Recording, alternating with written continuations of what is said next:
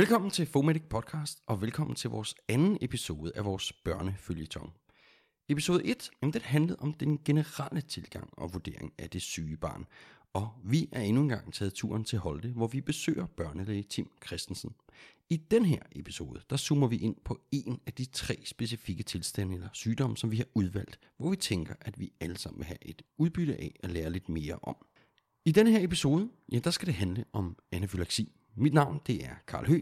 Jeg hedder Morten Lindqvist. Velkommen til.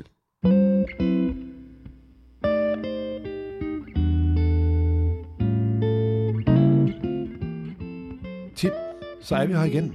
Tak fordi vi måtte komme. Ja, velkommen. Øh, Denne gang skal vi jo snakke om anafylaksi hos børn.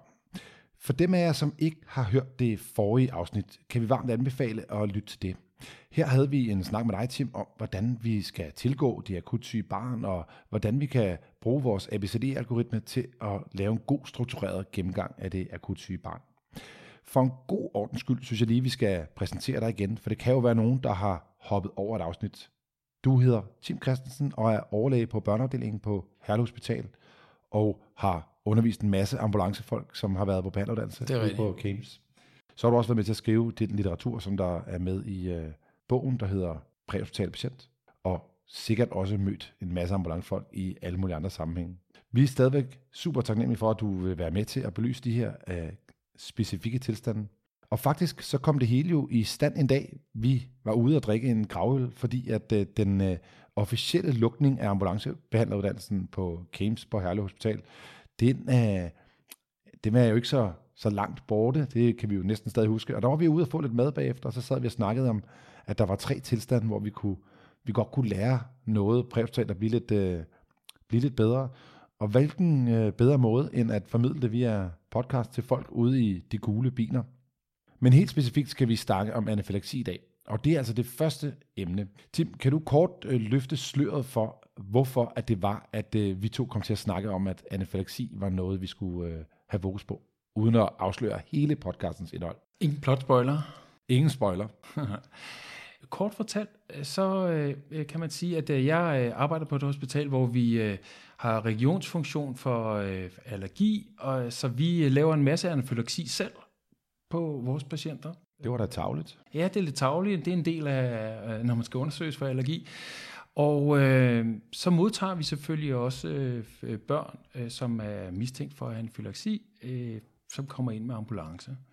Og der ser vi rigtig, rigtig tit, at de her børn, de øh, faktisk ikke har fået den behandling, som er standard ved anafylaksi, nemlig adrenalin i hjem.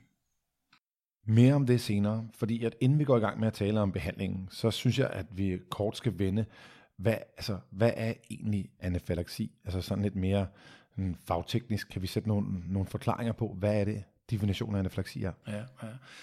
Øh, og man kan sige, at stikordene her, det er noget med hyperakut, så der er et eller andet tidsforløb øh, forløb i det, øh, som er ekstremt vigtigt. Øh, så er det øh, livstruende, som man kan faktisk øh, dø af det her. Det kan man gøre desværre rigtig hurtigt. Øh, de øh, anafylaksier, som øh, I arbejder med ude i præhospital, det er sådan noget som øh, anafylaksi efter udsættelse for fødevarer. Øh, dem, der dør af det, de dør i løbet af 30 minutter. Det går rigtig hurtigt. Insektstik i løbet af 15 minutter. Øh, så, tidsforløbet her er mega, mega kort. Og så øh, øh må man sige øh, om anafylaksi, at det har jo noget med allergi at gøre, så det er sådan en tsunami-reaktion øh, på, øh, på allergi. Så i stedet for at få lidt, øh, bare lidt kløe i halsen, eller lidt nøbelæse, eller kløende øjne, som rigtig mange måske kender i pollensæsonen, øh, så øh, er det her en... Øh, det her det er øh, anafylaksi involverer flere organsystemer, øh, som, som kan blive ramt helt vildt hårdt, og det er ikke kun ABCDE-symptomer, der er også forskellige andre symptomer, blandt andet fra gastrointestinalkanalen. Ikke? Kan man sige det sådan, at, øh, at en almindelig allergisk reaktion, den er mere lokal, og en anafylaktisk reaktion bliver mere sådan systemisk, eller går mere ud i hele øh, vores organsystem, eller flere områder? Ja, man kunne godt, men man kunne godt forestille sig en, øh, øh, en, en, en, en, hyppig hyperreaktion på allergi især hos voksne. Det er jo sådan noget nællefeber. øh, lige indskudt bemærkning. Hvis børn får nællefeber, så er det meget hyppigere, det er virussygdom. Det var lige en indskudt sætning. Øhm, men, men nællefeber, det involverer jo også hele huden, og man kan også få lidt øh, kløe og krassen i halsen, uden at det bliver til andet og mere end det. Øh, men anafylaksien, den udvikler sig rigtig hurtigt og kommer rigtig hurtigt til at true nogle vitale funktioner. Øh, så det er, det er både involvering af flere organsystemer, men det er især også hastigheden i det, hvor øh, hvis man har prøvet at have en allergisk reaktion, og, så, og, og, og ikke engang måske tager noget antihistamin, så vil de fleste ikke genkende til, okay, det klinger lige så stille og roligt af af sig selv. Men anafylaxi klinger ikke af af sig selv. Anafylaxi trumler bare frem. Og det betyder med de tidsparametre, øh, du sagde lige før, at det er noget, der skal håndteres hurtigt. Der er lavet et action card, øh, som jeg synes, vi lige skal referere til her, fordi det er det, er det vi, vi kommer til at tale om, når vi snakker om behandlingen, og, og vi lægger det også i shownoter bagefter. Øh, kan, du, kan du sætte en ord på, hvad, hvad hovedparametrene eller punkterne er i det her action card? Ja, man kan sige, øh, øh behandlingsalgoritmen for, øh, for anafylaksi den er egentlig meget enstrenget. Det er ikke noget med, det er ikke sådan en stor avanceret algoritme, som hvis man nu har stødbar og ikke stødbar, så skal man gå det ene og det andet. Sådan er det ikke med anafylaksi. Øh, hvis man tænker øh, en anafylaktisk reaktion, øh, så er ABCD sikrer man patienten, og det første stof, man overhovedet skal dele ud, det er adrenalin IM, og man bliver ved med at give adrenalin IM med 5-10 minutters intervaller, indtil man har fået stabiliseret patienten. Og så er der en række andre øh, behandlingsmåder, som kan understøtte adrenalin, men det er adrenalinen, der er omdrejningspunktet. Hvornår har man så anafylaksi? Ja, det, øh, det er et rigtig godt spørgsmål, øh, og øh, den, den, den nemme og hurtige forklaring øh, hos øh, voksne, det er noget med, når man er øh, livstruende ABC-påvirket. Ikke? Så det er, når man er Øh, man får hurtigt udviklet astmasymptomer og blodtryksfald over 30 mm kviksøl og får og synkebesvær, øh, cyanose, respirationsstop, øh, bradykardi, kollaps, hjertestop. Mm. Nu snakker du lige strider. Jeg tror, der er en del hos os, der har øh, i virkeligheden tror jeg, vi spørger dig, kan man både have inspiratorisk og ekspiratorisk strider, eller er det kun noget, der, der hører til under inspiration? Ja, altså i min bog, der findes der kun inspiratorisk strider, og når der er lyd på vejrtrækningen på ekspirationssiden, så vil jeg i langt højere grad tænke, at øh, så er vi i afdelingen for øh, astma, øh, bronkospasme, altså bronkospasme ja. under et, og der er også en del øh, snot og, og infektion på lungerne og sådan noget, der larmer, øh, der larmer på ekspirationssiden. Ikke? Ja, super andre symptomer? Og skal man egentlig have dem alle sammen? Nej, man behøver ikke have den fulde pakke. Øh, og jeg synes også, det vigtige at sige her, det er, at øh, selvom vi i en tidligere podcast har snakket ABCDE-symptomer og lagt rigtig meget vægt på dem, så øh, særligt når vi snakker børn, så for at undgå at havne i en situation, hvor man som man ikke kan bakke ud af med sin adrenalin, altså hvor øh, især øh, strideren og obstruktionen i luftvejen bliver til noget, der ikke kan vendes igen, så vil vi rigtig gerne have, at man behandler børn mere aggressivt og mere tidligt. Det kunne være bare, hvis barnet øh, øh flusher, altså bliver hurtigt rødt over det hele, udviklet i løbet af sekunder til få minutter, og måske kaster op, efter at have spist et eller andet nødder, som barnet ikke kan tåle, for eksempel så behøver man altså ikke at vente på, at der begynder at komme strider. For når først der kommer strider i det der toårige barns 4,5 mm øh, trakea, mm, så er man altså nærmest allerede for sent ude. Så vi vil godt have, at man behandler meget tidligt, og man behøver ikke at vente på, at barnet er ABC påvirket. Er det ikke noget med, at hvis man læser den her algoritme, og måske også kigger lidt i litteraturen bag ved den, så står der, at hvis man har urtikaria, og så bare et af nogle andre symptomer, og det kunne for eksempel være gastrointestinale symptomer, ja, ja. så har man også anafylaksi. Ja, præcis.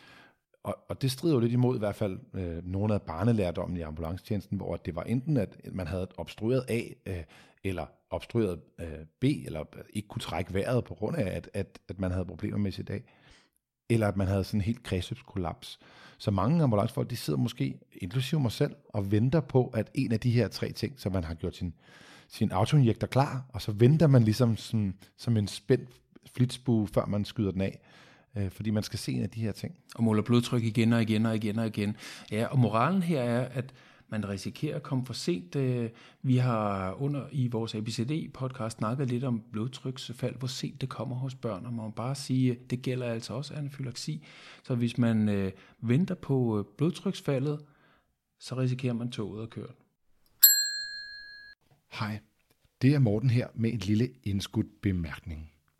Anafylaksi er en meget kompleks størrelse, og derfor vil vi lige sikre os, at I alle er med på to væsentlige emner. Den ene er definitionen af anafylaksi, og den anden er, hvornår du skal mistænke anafylaksi ud fra de omtalte nationale guidelines. Anafylaksi-definitionen er, anafylaksi er en akut, generaliseret, livstruende hypersensitivitetsreaktion efter eksponering for visse typer allergener. Hvis du ser i den omtalte guideline, så vil du i toppen se en rød boks, der spørger dig, om du mistænker anafylaksi. Under den vil du se endnu en rød boks, der minder dig om, at du skal følge ABCDE-tilgangen. Så kommer der en stor gul boks, og det er netop den boks, vi lige vil bruge et par minutter på. Anafylaksi skal mistænkes ved tre forskellige situationer. Den første del, den er akut opstået. Og ved den akut opstået, så skal du have hudsymptomer eller slimhindesymptomer, som kan være generaliseret kløe, flushing, urtikaria, angioedem.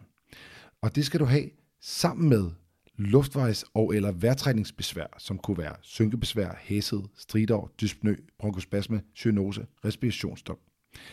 Eller i stedet for luftvejs- og vejrtrækningsproblemer, skal du have blodtryksfald, og det kan ses ved takykardi, synkope, konfusion, inkontinens eller kollaps.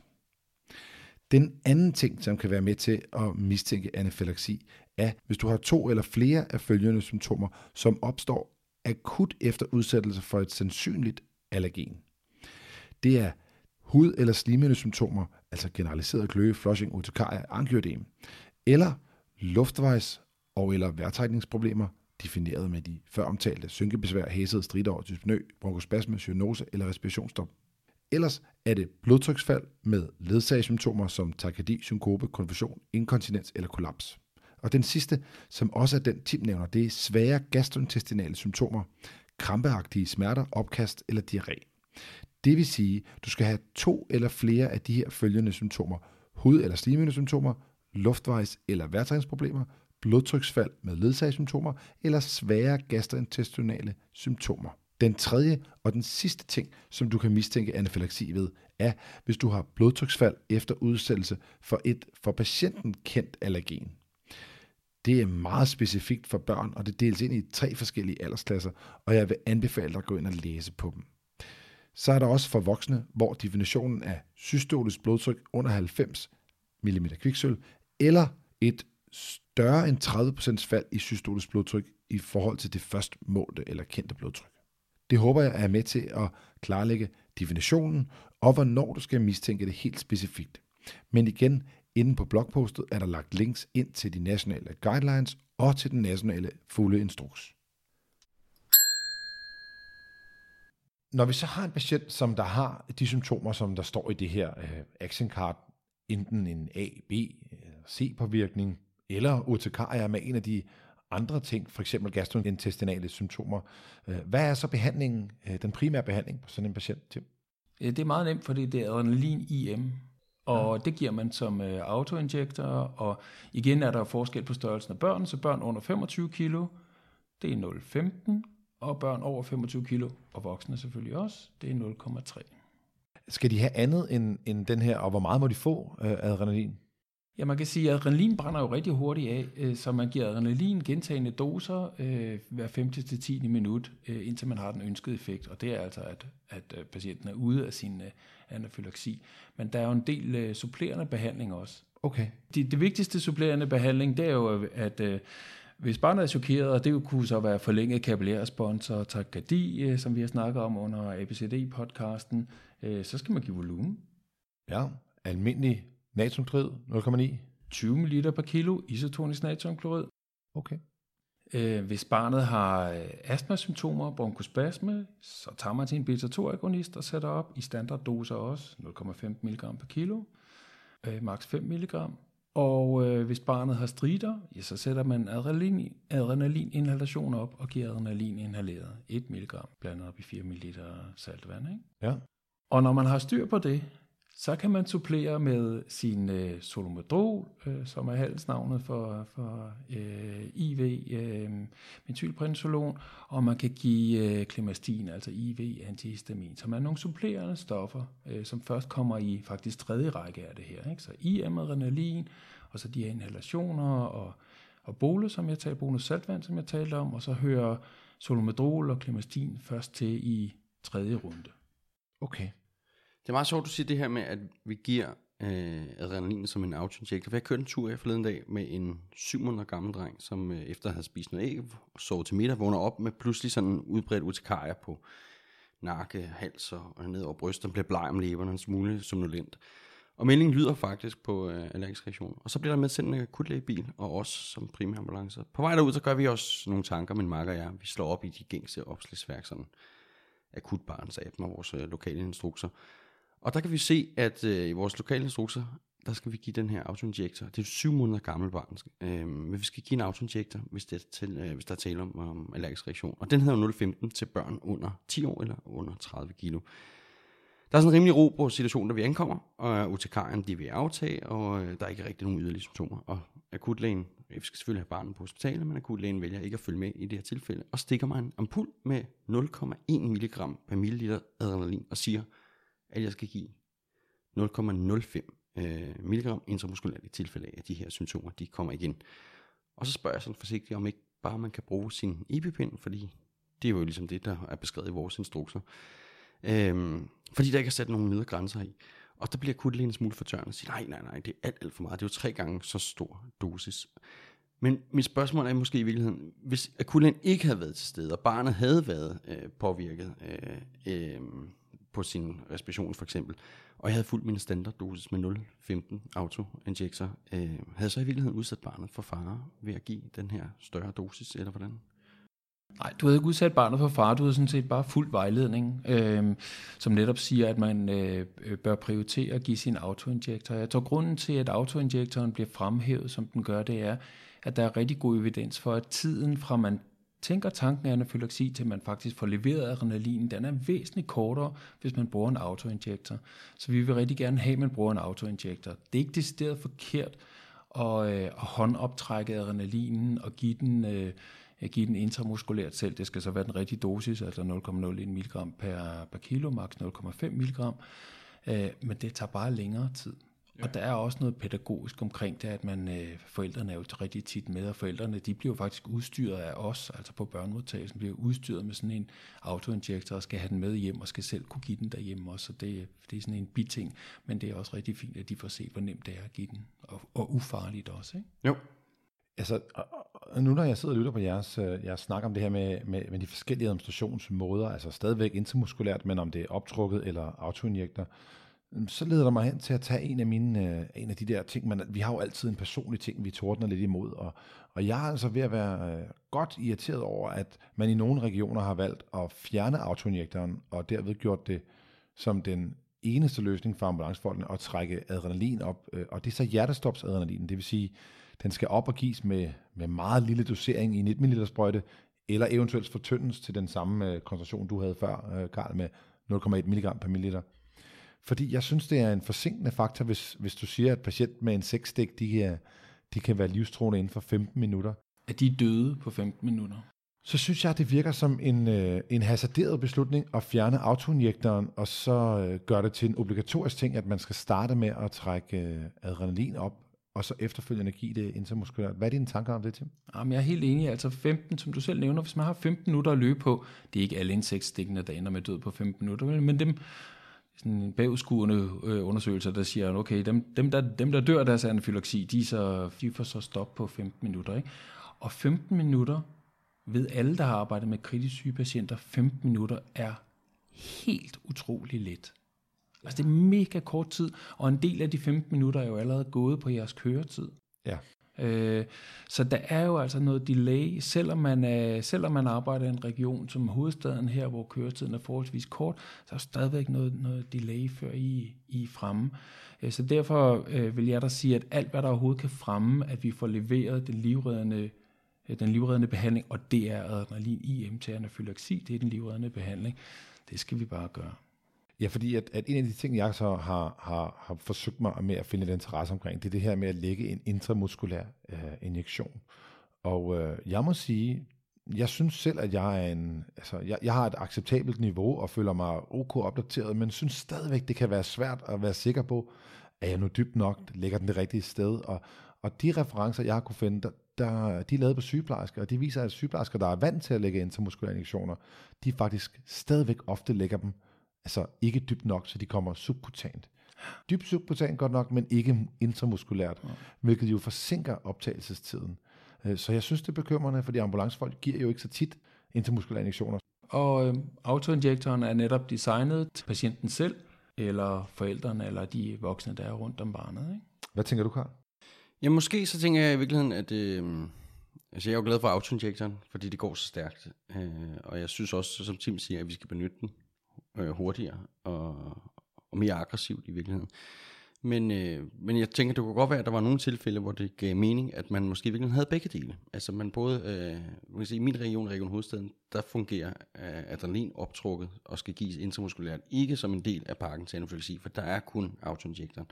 Men måske kunne man kombinere de to, øh, så man ikke kom til at give for stor dosis. Men, men det lyder ikke på, på dig, Tim, som om, at, øh, at der havde været noget fare i at give en autoinjektor på et barn på 710 kilo. Det havde været det rigtige. Ja, alright. Man kunne sige, der hvor, hvor øh, med længere køretider, hvis vi nu var i en anden region, hvor der var lange køretider ind til hospitalet, måske på 20, 30 og endda længere, så kan man jo godt, hvis hver en fylaksi nå løbe tør for autoinjektor.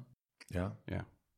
Ja, man kan også vente om at så sige, at, øh, at kommer du ud til en patient, som der øh, har en, en anafylaksi i udvikling, altså hvor du ikke ser det med det samme, og du derved måske tænker, jeg vil klargøre mig, jamen så kan du også nå en mere præcis dosis, altså de 0,01 per kilo, hvis du, øh, hvis du siger, at det kan være, at jeg får brug for det senere. Og så kan du trække op og derved ende, ende med at give 0,1 til et barn på, på 10 kilo.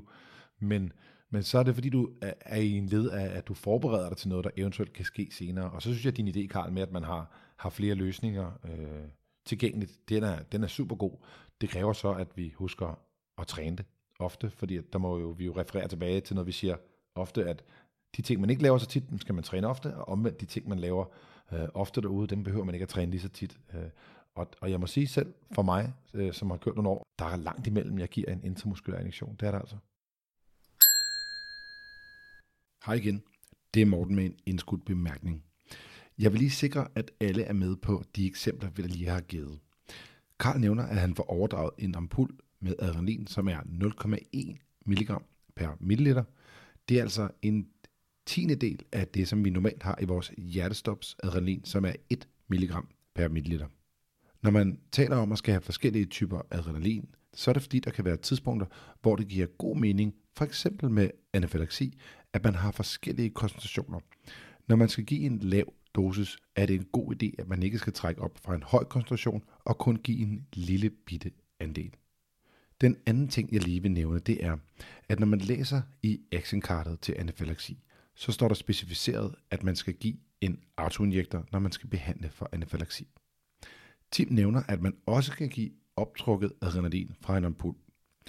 Når man kigger på guidelinen, så ligger der en instruks, altså et længere skrevet dokument, bag ved selve actionkartet. I den instruks er det specificeret, at man som udgangspunkt skal behandle med autoinjektor, og at man i omstændigheder, hvor man arbejder et sted, hvor der er foroptrukket adrenalin til stede, så må man behandle med optrukket adrenalin intramuskulært. Ellers så er den foretrukne behandling altså autoinjektor.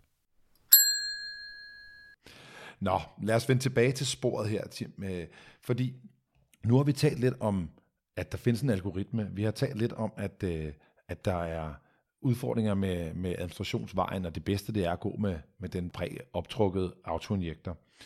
Men hvad er det egentlig for en udfordring, som du, øh, du nævnte i starten, det her med, at vi måske underbehandler en lille smule, og, og, og hvad, skal, hvad kan vi gøre for at blive bedre til at spotte og, og anerkende de her episoder, så vi måske ikke kommer til at underbehandle? Ja, lad mig gribe fat i det sidste, du siger, det med underbehandling. Jeg tror faktisk til en start, man måske skal blive mindre bekymret for at give adrenalin IM. Adrenalin IM, måske ikke det mest behagelige for patienten, men det er ufarligt. Og øh, hvis vi kun behandler dem, hvor vi er helt sikre på, at her står vi med en full-blown anafylaksi, så øh, risikerer man altså at komme så sent, så toget faktisk er kørt øh, for barnet. Fordi øh, hvis man tænker lidt på, øh, på fysiologien hos øh, børnene, så er deres luftrør jo ufattelig, ufattelig småt. Altså et barn på omkring et år har en indvendig diameter på 4 mm. Øhm, det er ikke ret meget. Nej. Prøv derhjemme at trække vejret gennem et. Nej, der skal ikke meget hævelse til. Man kan prøve derhjemme at trække vejret gennem et af de der små sugerør. Ikke sådan et McDonald's-sugerør, men et af de helt små, det gammeldags sugerør. Og der er en enorm modstand i. Og, øh, og hvis jeg skal nørde lidt øh, med, med matematik omkring det, så er det sådan, at modstanden den tiltager jo i 4 potens, når diameteren bliver halveret. Så det koster rigtig meget. Vi bliver nødt til at handle, inden vi står med, med en obstruktion af, af luftfarerne. Hvad er det så for nogle ting, vi skal være opmærksomme på derude? Nu, nu nævner du luftvejen her, men jeg har trods alt så meget tillid til mig selv og Karl og mine kollegas egenskaber, at komme ud til en med, med inspiratorisk strider, og det, det, der, er, der er rødt og klø over det hele, så, så skal vi nok give det her adrenalin. Hvad er det for nogle tilstande, som, som du har set, der er blevet underbehandlet? Ja, der hvor, øh, jeg vil sige, selv de tilstande, du nævner der, øh, ser vi altså også ind imellem, at så, så er der givet, øh, så er der givet tertiær behandling, altså tredje linjebehandling, ikke også? Så er der blevet givet øh, steroid, og der er blevet givet øh, antihistamin, altså klimastin, og ikke noget som helst andet. Så, så, så venter man og ser. Og inden vi går videre der, vil jeg bare lige sige, det snakkede vi om, inden vi begyndte op til, de kommer i sæt, ikke? Altså, hvis man siger solmedrol, så siger man også adrenalin. Øh, Der, der findes slet ikke, øh, ifølge algoritmen og behandlingsvejledning, er, findes der slet ikke den mulighed, at man giver solomedrol og, og klimastin, uden man har givet adrenalin IM. Det er nummer et. Okay. Øh, okay, tilbage til, til symptomerne hos børnene. Ja, altså, tidsfaktoren er helt vildt vigtig her. Så øh, øh, flushing, altså rødme, I kender det fra nogen, der bliver nervøse, flammer, har sådan noget fl- rødlig flammende hals for eksempel. Det er det, vi er ude efter her. Så hvis man har flushing, der, der optræder rigtig hurtigt, samtidig med et andet symptom, det kunne for eksempel være opkastning. Nogle af dem får faktisk også pludselig øh, diarré. Altså halvdelen af patienterne her reagerer med symptomer fra gastrointestinalkanalen. Øh, så, så hvis det optræder rigtig hurtigt, sådan eksplosivt-agtigt, øh, et hudsymptom plus et gastrointestinalt symptom, jeg vil skyde sådan lige af. Vi sørger for at lægge øh, både algoritmen, referencerne bag algoritmen og eventuelt nogle gode links, som øh, Tim Tim også har delt under forberedelsen til det her podcast i shownoterne, således at hvis du har lyst til at læse flere informationer omkring det, så du kan blive endnu mere skarp på det, så vil du kunne finde dem i, øh, i shownoterne. Okay. Vi snakker om det her med, at øh, akutte symptomer er en af de ting, vi er, vi er bekymret over. Men, men behøver anafylaksi at komme lige bagefter, man har spist noget, eller indtaget medicin, eller kan det godt optræde timer øh, efterfølgende? Ja, det, det er et super relevant spørgsmål, og man kan sige, det afhænger lidt igen af, hvad der har udløst øh, anafylaksien. Så øh, hvis vi taler om fødevarer, øh, så kan der godt gå øh, noget længere tid. Altså der kan godt gå op til 1 til to timer. Det hører til sjældenhederne, men, øh, men mere som en rent... Øh, i sin tankegang også tænker, okay, fødevarer, der kan godt være noget forsinkelse på. Det, øh, det skal ned i systemet og skal optages. Man behøver ikke at få den der straks reaktion i løbet af sekunder til, øh, til minutter. Vi har altså også børn, der gør det. Vi, vi har blandt andet et barn gående, som øh, bare det får en dråbe mælk på sin tunge, altså en komælksallergiker, en dråbe mælk på tungen, bum, så er anafylaksien der, og det er jo så efter sekunder. Så så ekstremt kan det også være. Men det er ikke sådan noget med, at jeg spiste nogle, nogle rejer i går, og nu har jeg det pludselig skidt. Så er vi ikke ude i... Vi er i ikke, den så er vi ikke i anafylaksi i boldgaden, det er vi simpelthen ikke. Den eneste ting, jeg vil uh, slutte til det, det er, at når man, uh, når man nu behandler de her mennesker, så, uh, så kan man altid sige, de får adrenalin, det hjælper på deres, uh, deres symptomer, så får de antihistamin for deres hudsymptomer, og de får uh, en eller anden form for steroid for ligesom at, at hjælpe med at, og behandle sensymptomerne her. øh, så vil der være nogen, der spørger, så er de jo færdigbehandlet. Skal de så på sygehuset? Øh, fordi at de kunne vel i bund og grund observere sig selv derhjemme. Øh, hvad tænker du? Ja, og, øh, og der er det sådan, at øh, øh, vejledningen foreskriver minimum 8 timers observationsperiode, og, øh, og ydermere er der også øh, øh, de, det, det, man kalder bifasiske forløb, altså man kan se, at der kommer en, en forsinket reaktion, som i princippet kan være lige så alvorlig som den første anafylaksi, som udløste, at I kom øh, og, og samlede patienten op. Så øh, nej, man kan desværre ikke bare sige, øh, øh, nu har vi så med øh, behandlet denne patient rigtig fint, øh, og farvel og tak. Og så skal man jo også huske på, at adrenalin brænder af rigtig hurtigt, at det er, det, det, det er en misforståelse at sige, nu har jeg behandlet med adrenalin, så nu må den være der. Ja, det er meget muligt, men efter 5-10 minutter, så er den der adrenalin måske brændt af, og så er man tilbage, hvor man startede, og så skal der gives mere adrenalin. Så det er altså 8 timers observation på Så det hedder minimum 8 timers observation hos os. Vi beholder dem altid overnight, øh, børnene, øh, fordi vi kan ikke... Altså, vi kan ikke sende, øh, vi kan ikke sende forældrene hjem med det der barn i natten smuld og mørke, så skal de gå og observere øh, det her barn. Det, det går slet ikke. Så de er, de er der minimum 8 timer altid til næste morgen. Og jeg vil også sige, at efter den her podcast, der kommer, der kommer IO, der lytter øh, til at behandle mange flere øh, børn på mistanke om anafylaksi. Og det betyder, at når de kommer ind til os, så skal vi jo til at udrede, om de overhovedet havde anafylaksi. Der er også nogle blodprøver, man skal have taget, som kan afsløre, var det nu anafylaksi, eller var det ikke anafylaksi, eller i hvert fald sandsynliggøre, om det var anafylaksi eller ej. Og det var en god pointe, Tim. Så skal jeg lige uh, smide ind der. Gør vi så noget galt i forhold til, altså kan I stadig undersøge, uh, vi, hæmmer vi noget ved at have behandlet eller ikke behandlet? Nej, I ødelægger ikke noget som helst ved at have behandlet. Det skal I endelig gøre. Det vi måler er en prøve, der hedder serumtryptase, og den reagerer ikke på, om I har skudt adrenalin af eller ej. Er vi så igennem, Karl? Ja, men jeg tror alligevel også, at jeg, jeg er jo rigtig glad for, at team er fortsætter for, at vi har en mere aggressiv øh, iværksættelse af adrenalinbehandling. Men der vil nok sidde nogen derude og sige, ja ja, men vores instruks siger jo noget andet. Og kommer jeg i virkeligheden i fedtefaget nu, hvis jeg begynder at, efter at have hørt den her podcast, at være lidt mere aggressiv på min behandling, når det ikke er det, der står i min instruks. Så jeg tror, der er, altså, der er også en fare ved, at vi, at vi laver det her produkt, som vi gør her nu, hvor vi virkelig oplyser folk lidt mere om, om, om nogle af de underliggende tanker, der ligger, der ligger bag, og så sammenholder med, at vi har en instruks, der fortæller os, hvad det er, vi skal gøre. Altså, vi må også bare erkende, at uanset hvad vi fire i Fomedic sidder og laver, så har vi nogle, nogle regionale retningslinjer og instrukser, vi selvfølgelig altid skal være tro imod. Men derfor er det også bare fedt, at vi har de her snakker, de her samtaler, hvor at vi ligesom får noget mere baggrundsviden, noget mere forståelse for, hvad det er for et stykke arbejde, vi går og laver derude.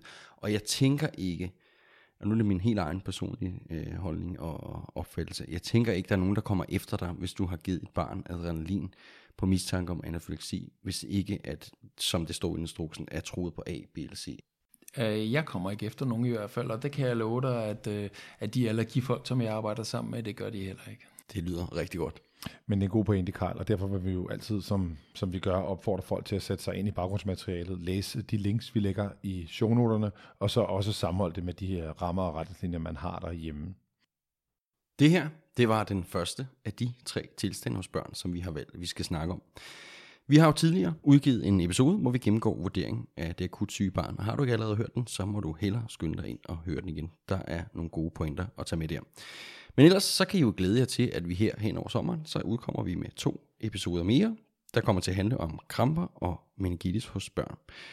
Og øh, det glæder vi os jo utrolig meget til. Tusind tak til dig, Tim, fordi at, øh, du gad til at imod os her igen. Velkommen. Mit navn det er Karl Høgh. Jeg hedder Morten Lindqvist. Det her det var Fomedic Podcast for denne gang. Vi høres ved.